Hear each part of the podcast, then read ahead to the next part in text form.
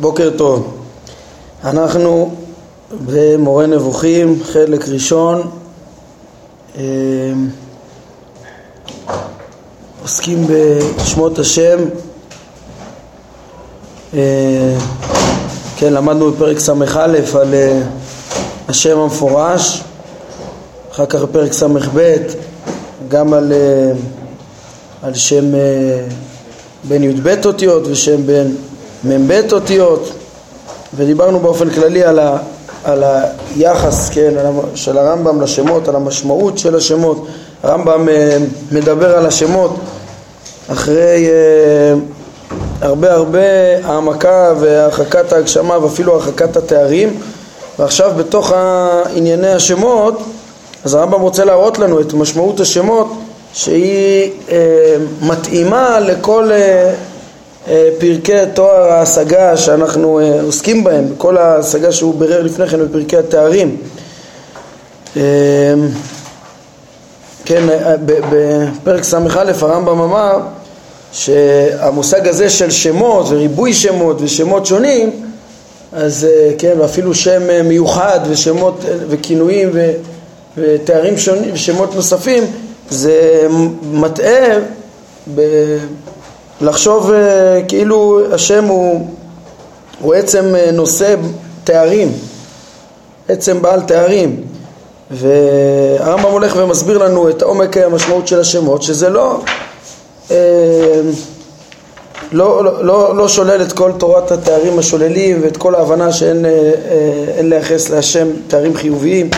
כן, בסוף פרק ס"ב קראנו את הדברים האלה, הרמב"ם אומר שם פסקה שמונה הערנו על כך שכל שמותיו יתעלה נגזרים מלבד שם המפורש שהוא הרמב"ם מבין שזה מראש אה, שם שמיוחד איזה אה, כן השם הזה הוא לא מגזרת אה, שום שם אחר ואין לו הטיות וכולי הוא מיוחד רק להשם על חיוב המציאות. כל השאר הם, הם כל שאר השמות הם באמת אה, מושאלים מתוך אה, משמעויות אה, שיש להם גם משמעויות בעולם הזה.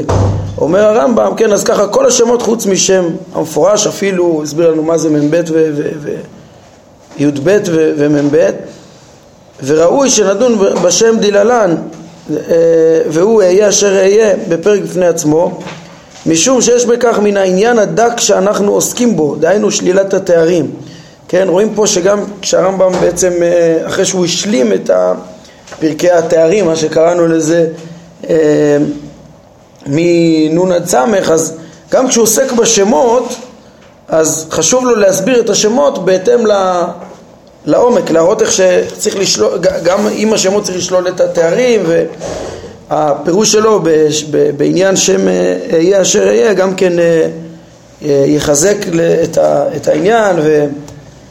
זה שם מאוד מאוד עמוק שהוא קרוב ל, ל, ל, לשם הוויה אה, בייחודיות שלו, אה, אבל גם הוא נגזר לפי הרמב"ם. הוא נגזר אבל מורה על אה, השם בעצמו, כמו שנראה. עכשיו כשהרמב"ם, כן, פה בפרק ס"ג מסביר את השם הזה, אז הוא מסביר בעצם את כל הפרשייה שבו אה, הוא מופיע, את כל ההקשר. אה, אומר הרמב"ם, נקדים הקדמה ונאמר מה שאמר משה עליו השלום ואמרו לי מה שמו, מה אומר עליהם? כיצד השאלה הייתה קשורה לעניין כדי שישאל איך ישיב עליה? זאת אומרת, אה, הרמב"ם אומר, אה, כן, הקדוש ברוך הוא שולח את משה לישראל. אז אה, משה אומר, רגע, ואם הם ישאלו אותי מה שמו של השם, מה אני אגיד להם? מה פתאום שהם ישאלו אותו מה שמו של השם? כן, אומנם אה, דבריו, משה אחר כך גם אומר, והן לא יאמינו לי ולא ישמעו בקולי כי יאמרו לא נראה אליך השם, ברורים מאוד, כי כך יש לומר לכל מי שטוען לנבואה עד שיביא ראייה. אם משה אומר שהשם שלחו, אז שיביא ראייה שהשם שלחו. אז אה, שיאמרו לא נראה אליך השם וירצו לברר את זה, תוכיח שהשם באמת נראה אליך, זה ברור. אבל שמשה ישער שהם ישאלו אותו קודם מה שמו, מה, מה, מה פתאום בכלל שישאלו אותו מה שמו? כן, ועוד, אילו היה הדבר כפי שנראה לכאורה, שזהו רק שם שהוגים אותו, כן, כאילו, מה שמו זה, תגיד, ישאלו אותי איך קוראים לך, תגיד לי את השם שלך. כאילו זה רק שם, אה, פשוטו, כאילו פשוטם של מילים לפני שמתבוננים, רק מילים שהוגים. אז אה, אומר הרמב"ם, הרי אחת משניים, או שישראל כבר ידעו את השם הזה, או שלא שמעו אותו מעולם. אה, אם היה ידוע להם, הרי אין לו ראייה בכך שיגיד אותו, כי ידיעתו אותו היא כידיעתם. ואם לא שמעו אותו, מה הראייה שזהו שם השם? בהנחה שידיעת שמו היא, היא ראייה להתגלותו. זאת אומרת, הרמב"ם ממשיך עוד שאלה ב, ב, ב, באותו כיוון של, של השאלה הראשונה, אה, והוא מוסיף עליה. היינו, בשאלה הראשונה יש הנחה שהדבר היחיד שישראל צריכים לברר כשמשה נשלח אליהם זה, זה האם באמת השם שלח אותו. כן, אז ממילא אולי גם השאלה של מה שמו זה שהוא ימסור להם איזה, איזה שם, הוא יגיד, לו, הוא יגיד להם איך קוראים להשם ואז הם ידעו אה, על פי השם הזה שהוא ימסור אם השם שלח אותו או לא.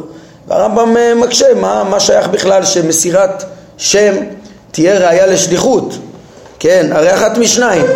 אם ישראל כבר ידעו לפני כן שהשם ככה נקרא, אז גם משה היה לו יכולת לברר את זה ולדעת את זה לפני כן, וזה לא שום ראייה, גם נביא שקר יכול לדעת את זה ולהגיד את השם. כן, ואם אה, הוא פתאום יאמר שם שהם בכלל לא הכירו, אז מאיפה הם יודעים שזה השם? הוא יכול, כל, כל שקרן גם יכול להמציא שם אחר.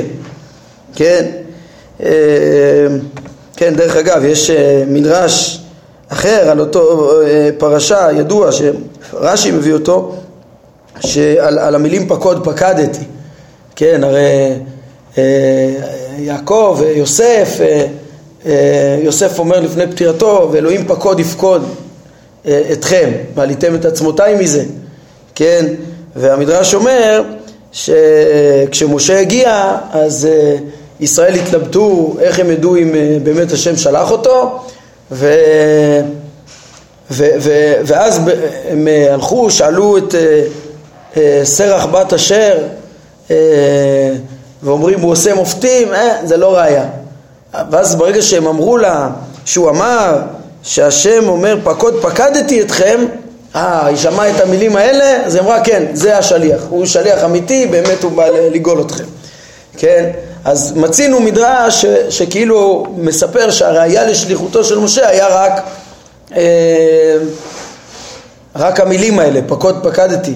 עכשיו, בפשטות על המדרש הזה לכאורה גם שייכות אותן קושיות שהרמב"ם שואל ביחס ל, לאותו הבנה שעוד מעט הוא יוצא ממנה, שכאילו ש, שמשה מברר מה שמו כדי שזה יהיה ראיה לנבואתו. לכאורה שייך, כאילו מה, אם, אם זה שם שהיה ידוע בישראל אז, אה, אז גם משה יכול לדעת אותו, ואם הוא לא ידוע, אז איך הם יודעים? טוב, את המדרש האמת אפשר לתרץ מזה. למה? כי קודם כל המדרש, כן, המדרש אומר שישראל לא ידעו את השם, זה היה סוד, סוד שיעקב ויוסף ידעו, וסרח בת אשר שהייתה מזקני ישראל ששימרו את הסוד הזה כסוד המבחן של הגואל, אה, וישראל לא ידעו אותו, והנה פתאום משה ידע אותו, אף על פי שאף אחד לא ידע, ואז כן, כן ו- ואיך הם יודעים שזה באמת אמיתי וזה לא אמיתי? כי הנה, שאלו את זקני ישראל. המדרש מבוסס בעצם על הפסוקים שבדיוק הרמב"ם מביא אותם פה, שנאמר אחר כך, לך ואספת את זקני ישראל. למה צריך, כן, ואמרת עליהם, השם לא אוהב אתכם נראה לאלוהי אברהם, יצחק ויעקב, לאמור פקוד פקדתי אתכם ושמעו לקולך, כן, ובאת אתה וזקני ישראל אל מלך מצרים. אז רואים שזקני ישראל, שכאילו בכללם סרח בת אשר, ידוע שהיא גם הייתה מיורדי מצרים וגם בספר במדבר היא נזכרת במניין, אז מבינים שהיא האריכה ימים. ובקיצור, אז, היא, אז מייחסים לה את, ה, את הסוד שהיא מכלל זקני ישראל שידעו את הסוד. אז את המדרש אפשר ליישב. אבל על כל פנים המדרש דיבר על, על אה, פקוד יפקוד. והרמב"ם רוצה להבין פה את העניין של אהיה אשר אהיה. ובאהיה אשר אהיה אין את היסוד אה, להגיד את זה, וגם זה מראש, זה מראש מהלך קצת דחוק, כאילו אה, השם הוא ראייה לשליחות. והרמב"ם רוצה להראות, כמו שנראה, זה לא, השם לא היה ראייה לשליחות, והשם הוא לא רק דבר שהוגים אותו אה, יש פה מסר עמוק וברור ושאלה ש, ששאלו שעוד קדמה לשליחות. כן, תראו גם, הרמב"ם יש לו פה עוד שאלה. על כל פנים, בינתיים מה שהוא שאל, הוא אומר, מה פתאום שמשה יצפה שאלה כזאת? מה שמו? מה זה שייך? למה שישאלו דבר כזה? הוא צריך מראש לברר. אה, וגם, איך, איך דבר כזה יהיה ראיה לנבואה? שאלה שלישית, ועוד, שלאחר שהודיע לו לא יתעלה את, את השם הזה, אמר לו, לך ואספת את זקני ישראל ואמרת אליהם, השם אלוהי אבותיכם נראה אליי, אלוהי אברהם יצחק ויעקב לאמור פקוד פקדתי אתכם, כן וכולי, ושמעו לקולך ובאת אתה וזקני ישראל אל מלך מצרים, כן, אז הוא מודיע לו את השם ובאמת השם משכנע ושמעו לקולך והם יבואו איתך לפרעה וכולי ואחר כך, אחרי שכבר כתוב ושמעו לקולך על ה... בעקבות השם הזה, שלכאורה לא מובן איך זה בכלל יהיה ראייה לנבואתו ומה פתאום, אז אחר כך פתאום אומר משה רבנו, אחר כך השיבו הוא עליו השלום ואמר והן לא יאמינו לי ולא ישמעו בקולי כשכבר לפני כן אמר לו יתעלה ושמעו לקולך ולאחר מכן אמר לו, אמר לו יתעלה מה זה בידיך? ואומר מטה. ואז הוא גם מביא לו אותות גם בגלל שאין לו יאמינו לי אבל יש פה דבר תמוה. משה שואל, אומר רגע ישאלו אותי מה שמו ומה אומר עליהם אז, אז הוא יגיד לו ש, שהוא נקרא כן, השם אומר לו שהוא נקרא אהיה אשר אהיה ולומר להם אהיה שלחני עליכם ו... ו... ו... ושמעו לקולך. אז מה אתה שואל ואין לא יאמינו לי? כן? מה אז יש דבר כזה ש... שאדם שומע דבר אחד ועוד פעם לא משתכנע וזה, אבל הרמב"ם רוצה להסביר את הפשט, מה באמת הייתה, כנראה שבשאלת שמו היה ברור אחד שקיבלו אותו ואחר כך היה אה, ברור אה, שליחותו, שהיה צריך מופתים בפני עצמו, כן? אז זה השאלות של הרמב"ם, שלוש שאלות פה שפותחות להבין את העניין הזה של השם יהיה אשר יהיה בתוך הפרשייה, בתוך ההקשר. אומר הרמב"ם, מה שעליך לדעת שיבהיר לך את כל הקושי הזה, הוא מה שאומר לך. ידוע לך שבאותם זמנים, בזמן יציאת מצרים, אה, היו מפורסמות תורות הצבא. תורות הצ... הצבא זה בעצם תורות פגניות של אה, עבודה זרה, הרמב"ם מתמודד איתם אה, הרבה ויותר נכון מספר איך שהתורה הייתה צריכה להתמודד איתם הרבה אברהם אבינו אה, גדל בין אנשים כאלה, עובדי עבודה זרה, עם ישראל היו צריכים להחריט את, את אלה ולא ללמוד ממעשיהם, לא במצרים ולא בארץ קנן וכולי. וזה תרבויות של עובדי עבודה זרה שאיזשהו שרידים שלהם המשיכו גם עד זמן הרמב"ם, הרמב"ם אה, בחלק שלישי הוא אה, יספר שהוא קרא בספריהם ולפי זה הוא הבין טוב טוב מה היו המנהגים שהתורה באה להוציא מהם. וככה הוא מסביר הרבה מטעמי המצוות. בצורה אה, מאוד יפה. אה, על כל פנים, אה, באותה, באותם ימים שמשה מגיע לישראל הדעות והאמונות המפורסמות זה אמונות של הצבא, של תורות הצבא ושכל האנשים אז מלבד בודדים היו עובדי עבודה זרה. כן, כוונתי להאמנה בישויות רוחניות ובהורדתן ובעשיית הליסמאות כן, זה דבר שגם בכוזרים מתואר הרבה פעמים, שכן, עד זמנם היה עוד שרידים של זה, ו, וזה היה, זה, זה היסוד של אה, עבודה זרה, שבעצם הבינו שיש אה, כוחות לכוכבים וצורות וצלמים קראנו לזה, כן, דיברנו על זה כבר, אה, שיש איזה עבודות ושיטות בעשיית הליסמאות ואיזשהו צורות שיגרמו ל... להורדת שפע, מ, כן, שפע רוחני מכוכב, ממזל וכדומה. זה הייתה העבודה זרה שלהם, זה עבודה זרה כי עובדים, כן, אפילו אם הודו במציאות הסיבה הראשונה, אם היו כאלה שידעו, שידעו עליו, אז היו עובדים את האמצעים, את השמשים, את הכוכבים, את ה... וייחסו להם, כן, והעבודה להם אפילו, הם יודעים שיש אה, סיבת הסיבות, אז היא עבודה זרה. אסור לעבוד אלא את השם. כן, וכל מי שטען למשהו תיאולוגי אה, בכל הדורות, אם היה איזה טענה מסוימת אז היה, כן, עד משה רבנו היה רק או שטען שהוא השיג עיון וראיות המורים שיש אלוה על העולם כולו כאברהם, כן, אברהם מה הוא מוכיח ש, שיש השם, מה אתם מתרכזים בעבודה זרה? יש השם, תעבדו אותו ולא שום דבר אחר בהוכחות שכליות, כן? הרמב"ם אה, מדגיש מאוד את הצד הזה של אה, אברהם אבינו, הרמב"ם כותב בן ארבעים אה, הכיר אברהם את בורו, כן? יש תיאור מאוד יפה בהלכות עבודה זרה ובכמה מקומות הרמב"ם מתאר את זה, גם פה הדברים מפורשים. לפי הרמב"ם אברהם אבינו היה מלמד מה שהוא מלמד במורה נבוכים, כן? קורא בשם השם אל עולם, כמו שהרמב"ם קורא בשם השם אל עולם, מלמד על מציאות השם בפרקי תואר ההשגה ופרקי ההוכחה ומלמד איך שהגלגל אה, לא יכול לסבוב מעצמו והמציאות לא יכולה להתקיים בעצמה אלא צריך מסבב. אה, אז זה אפשרות אחת של טענה. או שמגיע אה, חכם ומוכיח שיש אלוה ותעזבו את השטויות שלכם, כן? ומלמד בהוכחות על האלוה, או שטען שירדה עליו רוחניות של כוכב או מלאך וכיוצא בזה והוא עכשיו יש לו שיטות איך לעשות את זה ואיך לרצות את הכוכב או את המלאך או ל, כן, ל, ל, למשוך את ההשפעה ממנו. זה היה שתי סוגי הטענות. אבל משה רבנו זה חידוש גמור, כן?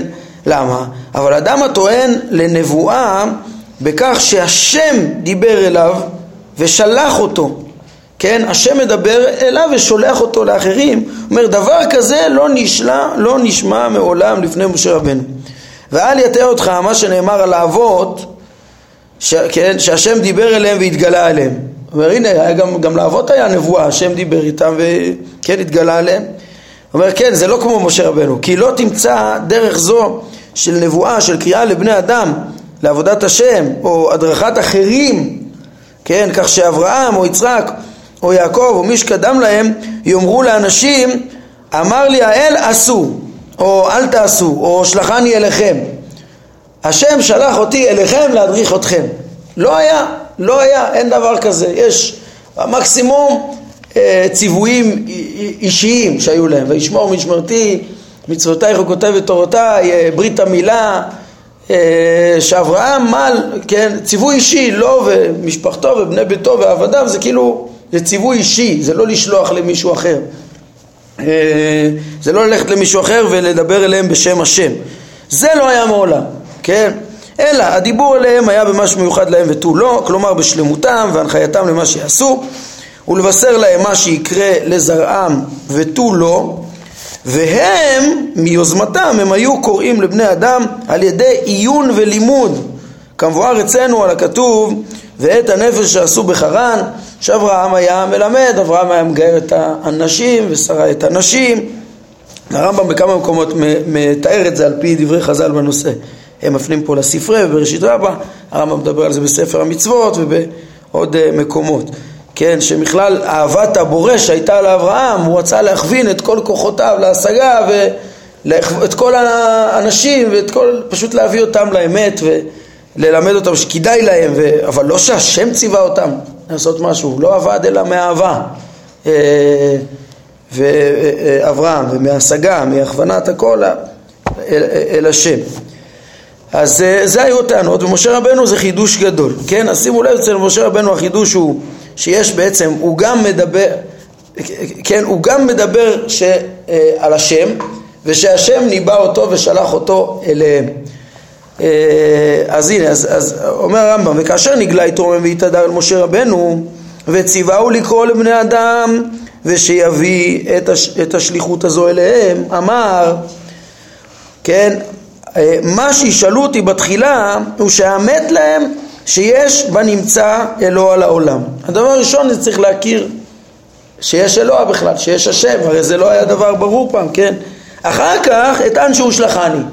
אני צריך... אה, קודם כל לאמת שיש אלוה כי לצער, לצערנו כן כתוב אפילו על ישראל במצרים שהיו שקועים במ"ט שערי טומאה. הרמב"ם כותב בהלכות עבודה זרה איך כמעט אה, קט ונעקר העיקר הגדול ששתל אברהם שם במצרים מ, מ, מ, אה, מתוך המסכנות שהיה להם שם כן וכמעט התערבו במצרים. אז כמעט ונעקר אותו עיקר שהמשיך בבית אברהם ו... יצחק ויעקב וכולי, אבל שם היה מצב קשה. כן, אז דבר ראשון היה צריך להוכיח ש, ש, שיש בנמצא אלוה על העולם, ואחר כך לטעון שהוא, שהוא גם שלחני. שזה שני חידושים גדולים אה, ולא מובנים מאליהם, כן?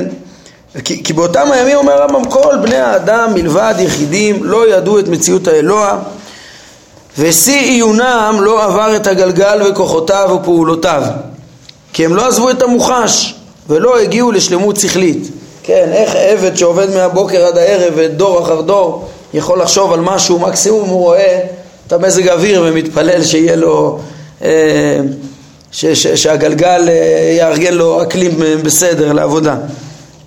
אה, ובכלל, זה גם הסביבה, זה המצרים, זה רוב בני אדם לא ידעו את השם, לא היה להם את הפנאי ואת היכולת להשיג בכלל שיש משהו מעבר למוחש. שראו אז מקסימום, המקסימום המוחש העליון ביותר שמשיגים זה השמיים, הגלגלים. אה, ולכן היה צורך קודם כל לאמת להם שיש אה, מציאות אלוה, כן? אומר הרמב"ם, על כן לימד אותו אז השם ידיעה שעליו להביא אליהם, שתאמת עבורם את מציאות האלוה, והיא אהיה אשר אהיה. יש פה תוכן עמוק שהם יבינו אותו, הם יבינו שיש אלוה. וכן, והוא, ממילא אתם מבינים, השאלה של משה רבנו, והרמב"ם שאל, מה פתאום שהוא יברר מה שמו, ומה פתאום שאם זה יהיה רק אה, מילים, אז איזה ראייה תהיה לשליחותו? אומר הרמב"ם זה לא ראייה לשליחותו וזה לא רק מילים, אה, ויש דבר קודם שצריך לברר לפני אמיתות שליחותו. וזה עצם אה, מציאות השם, וזה שאלת מה שמו, כן? אה, הם קודם כל אה, צריכים שידעו, הם ישאלו ויבררו וכל הזמן צריכים להבין על מציאות השם ומשה רבנו שואל מה שמו, זה באיזה אופן ללמד אותם על מציאות השם ולאמת את זה. ו, ופה מגיע, הקדוש ברוך הוא אומר לו אהיה אשר אהיה, והוא שם נגזר מהיה. שימו לב מאוד משמעותי, הרמב"ם לשיטתו שאומר ששם הוויה הוא לא נגזר מהמשמעות של אה, היות של השורש הזה, הרגיל הוא שם ייחודי שאין כמותו, אין דוגמתו ואין לו הטיות. אז שם אהיה אשר אהיה, אפילו שהוא בסוף, אנחנו נראה איך שהוא, עוד רגע נראה איך שהוא מורה על חיוב המציאות, הוא שם נגזר. הוא נגזר מהשורש אה, היה, כן, שהוא המציאות, המציאות המוכרת לנו, כן, רק שהאהיה אשר יהיה למד שיש נמצא שהוא לא במציאות המוכרת לנו, כן? וזה מה שהוא צריך להוכיח, כן? דרך אגב, אה, גם בכוזרי הוא כותב על שם אהיה אשר אהיה לעומת, כן, כל השמות נגזרים חוץ משם הוויה, תחילת מאמר רביעי, שם אהיה אשר אהיה, הוא אומר, הוא, האמת שהוא אומר שם שתי אפשרויות, אפשר שאהיה אשר אהיה, זה לא נגזר מההיות הרגיל, משורש אה, הוויה הרגיל, אלא אפשר שהוא מן השם הזה, היינו, הוא הזכיר קודם, שם הוויה, שכל, כל, הוא, הוא קישר את שם השם, אהיה והוויה לאותיות וי, אותיות אה, שמתלוות לתנועות כמו שאמרנו, והם שם העצם. אפשר, הוא הציע הצעה כזאת, אבל הרמב"ם לא, לא הולך איתה, אצלו רק שם הוויה הוא העיקרי, כן? הוא, הוא הלא בלתי נגזר. אבל רבי יהודה הלוי מציע עוד אפשרות, הוא אומר גם, אפשר שאהיה אשר אהיה, אה, זה שם שנגזר מהוויה, והכוזרי קצת מעריך בזה, ודברים מאוד קרובים לפרק הזה. בעזרת השם אני מקווה עוד להביא את הדברים האלה בהמשך, או להשוות ביניהם קצת. על כל פנים הפירוש הזה נמצא גם בכוזרי, בפירוש השני שלו, מה זה אהיה אשר אהיה, שהוא שם נגזר מן היות, שהוא המציאות. אז הוא אומר, כי משמעותו אה, משמעותו של היה היא כאן, כן, בערבית אה, היה, ואין הבדל בין היה כאן או נמצא וג'ד בלשון העברית, כן, זה אותו דבר, שמות נרדפים למציאות, כן, והסוד כולו הוא בכך שכפל אה, אותה מילה עצמה מורה למציאות בתור תואר, כן, מציאות בדרך כלל זה תואר, למדנו בפרק נ"ז, פרקי התארים זה תואר כי זה מקרה שיכול לקרות לדבר, לכל דבר שאנחנו מכירים במציאות הוא תמיד יש לו, אה, כן, יש לו הגדרה והוא יכול להיות בפועל או לא להיות ואם הוא אה, נמצא זה מקרה המציאות, כן, אז בדרך כלל זה תואר, אז, אבל פה אומרים פה ש, אה, שהמציאות אצלו היא המציאות, היא לא התואר, כן? הרמב"ם אומר כי אשר, הסוד, זה הסוד של הכפל פה, כי, כי אשר מחייב להזכיר את התואר הכרוך בו, כן? בעיקרון אומרים אה, פלוני אשר הוא ככה, שיש לו תואר כזה, כן? כי הוא שם חסר המצריך פסוקית זיקה, במשמעות של אה, LD ו-LT בערבית, שזה בעצם אשר לזכר ולנקבה בהתאמה, על כן עשה את השם הראשון שהוא המתואר אהיה ואת השם השני שתיאר אותו, שתיאר אותו בו אהיה והוא הוא בעצמו כן הרי זה כאילו אמר במפורש המתואר הוא התואר בעצמו. כן פה המתואר במציאות הוא המציאות בעצמו ופה המציאות היא לא דבר נוסף על עצמותו כמו שיש בכל הנבראים. אלא היא הוא ואין לו גדר ואין לו כן, הסגרנו שככה הכוזרי בסעיף אה, כ"ה מאמר רביעי אמר שפרש ככה גם כן משמעות בהוויה, כאילו זה, הוא המציאות ש, שאין לה גדר, שהיא בעצמה, כן, אה, קיימת.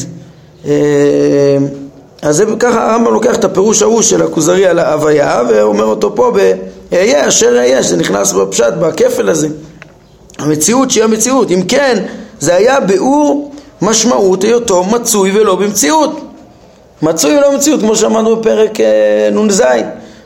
מצוי ולא במציאות שאנחנו מכירים. כן, אז תשימו לב, מצד אחד הביטויים האלה, אה, המציאות שלנו, לתאר אותו מצד שהוא לא במציאות, מצוי ולא במציאות שלנו, אז משתמשים פה בשם נגזר, במושג מציאות שלנו, וזה על ה... ממילא זה שם נגזר, אז זה לא כמו הוויה. מצד שני זה בסוף מורה על, על חיוב המציאות. כן, זה מה ש...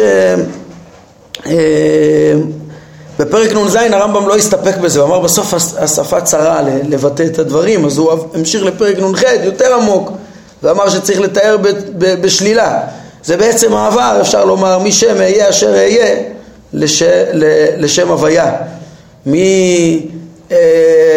מהגדרה אה, במילים צרות שלנו לנסות לבטא את אה, חיוב המציאות לבין רק בשלילה, להגיע למחויב המציאות בשלילה מוחלטת של כל, אה, פשוט של היעדר ובלי שום השגה חיובית.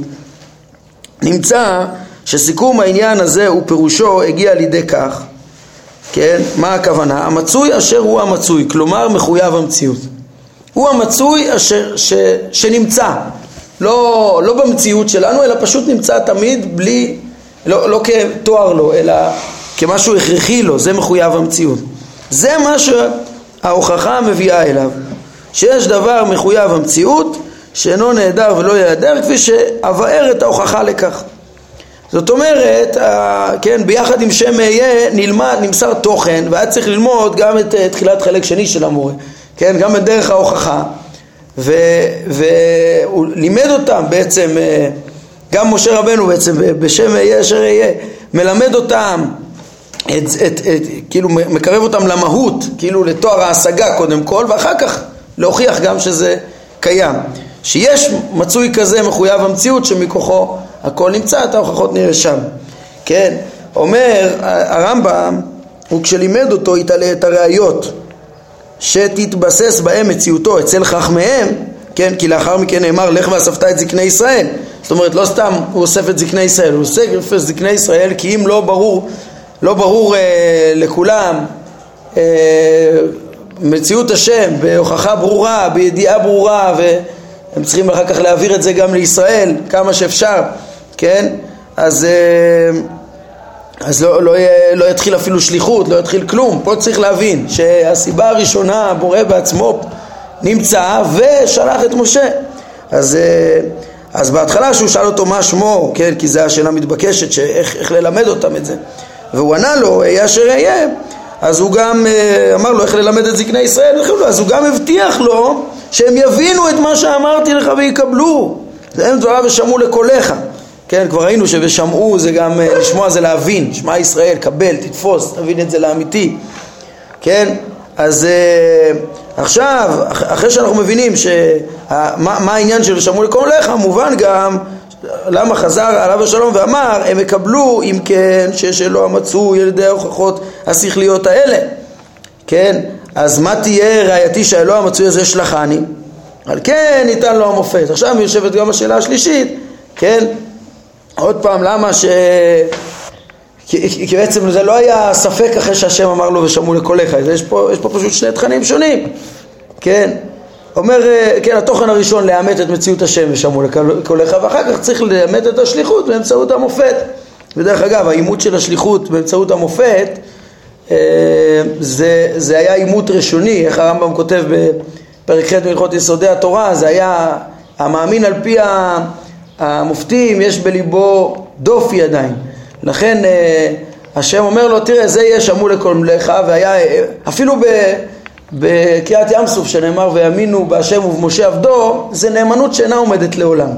מראש השם בשליחות אומר לו גם, שתדע לך שהנה, אה, הוא אומר לו שבהוציאך את העם הזה ממצרים תעבדון את, אה, את האלוהים על ההר הזה ושם יהיה נאמנות לעולם, כן, על, על הנה אנוכי בא אליך באב וענן ושמע העם בדברי עמך וגם בך יאמינו לעולם. נאמנות לעולם היא רק שיעבדו על ההר הזה, רק בדברי עמך, אז יהיה הוכחה מוחלטת, כן, זה דברים מפורסמים ויסודיים של הרמב"ם, שהבסיס לוודאות של נבואת משה היא לא בנויה על מופתים. בהתחלה היא הייתה על ידי מופתים, כן, אז זה לא המופת הגמור, המופת הגמור הוא מעמד הר סיני. לנבואת משה שהם שמעו בעצמם את הנבואה, כן, הרי התבאר ש, שאומר הרמב"ם שמשמעות דבריו מה שמו אינה אלא מי הוא זה שאתה טוען ששלח אותך, כן? ככה ישאלו אותו ישראל. מי הוא זה שאתה טוען ששלח אותך? כן, אז היה צריך לשאול לא מה שמו, מי הוא? האם הוא קיים? אומר הרמב"ם, הוא אמר מה שמו רק כפנייה של רוממות והדר. כאילו אמר את עצמותך ועמידתך אין מי שאינו יודע. כן? אך אם ישאלוני על שמך, מה משמעות הדבר שהשם מורה עליו, כן? הוא חשב זאת לגנאי אם יאמר בפנייתו שיש מי שאינו יודע את המצוי הזה, השם, כן? וייחס את אי ידיעתם לשמו במקום למי שקרוי בו, כן? כאילו זה דרך כבוד. הכוונה, אה, איך האמת להם את מציאותך, כן? אם, אם ישאלו מניין שהוא קיים, מי הוא? אז, אז משה, במקום להגיד, אם ישאלו מי הוא, ישאלו מה שמו. ככה בדרך כבוד, כאילו ברור, שהם, ברור שאתה מצוי, ברור שהם ידעו שאתה מצוי, אלא מה, אה, אלא רק מה שמך, אבל בעצם זה שאלה מה, ביחס למציאות. אה, כן, טוב, אז רמב"ם כבר יישב את כל השאלות שהוא פתח בהן אה, ולימד אותנו את המשמעות של השם אהיה אשר אהיה, שבעצם בתוך ההקשר יש פה, משה ברור לו שהם ישאלו את זה וירצו להבין את התוכן, שזה מאמת את מציאות השם, כמו שראינו, רק פה בתוך אה, משמעות אה, מילים נגזרות, כן, מתוך אה, הנמצא שאצלו המציאות שאצלנו היא תואר, דבר נוסף על העצמות, אצלו היא חלק מהעצמות, ו... וזה בעצם, כמו שהוא אמר בסוף פרק ס"ב שקראנו, הוא אומר, זה, יש פה את הדקות של עומק הבנת התארים שאין פה איזה, אין פה, אפשר להקשות, רגע זה, הנה הוא נקרא נמצא, יש לו מציאות, יש פה דבר נוסף על העצמות, לא, בדיוק משמעות הפרשה היא ללמד את העניין הדק הזה שאצלו המציאות היא העצמות ובעצם אין, אין לייחס לו שום תארים חיובים. בעזרת השם, השלמת הפרק וגם אה, קצת אה, השוואה אולי לפירוש של הכוזרי בזה, שהוא נראה שהוא עורר את הרמב"ם גם כן במובן מסוים לפירוש הזה. אפילו שבסוף יש להם פירושים שונים, כל זה נראה בעזרת השם בפעם הבאה. עד כאן להיום, ברוך אדוני לעולם, אמן ואמן.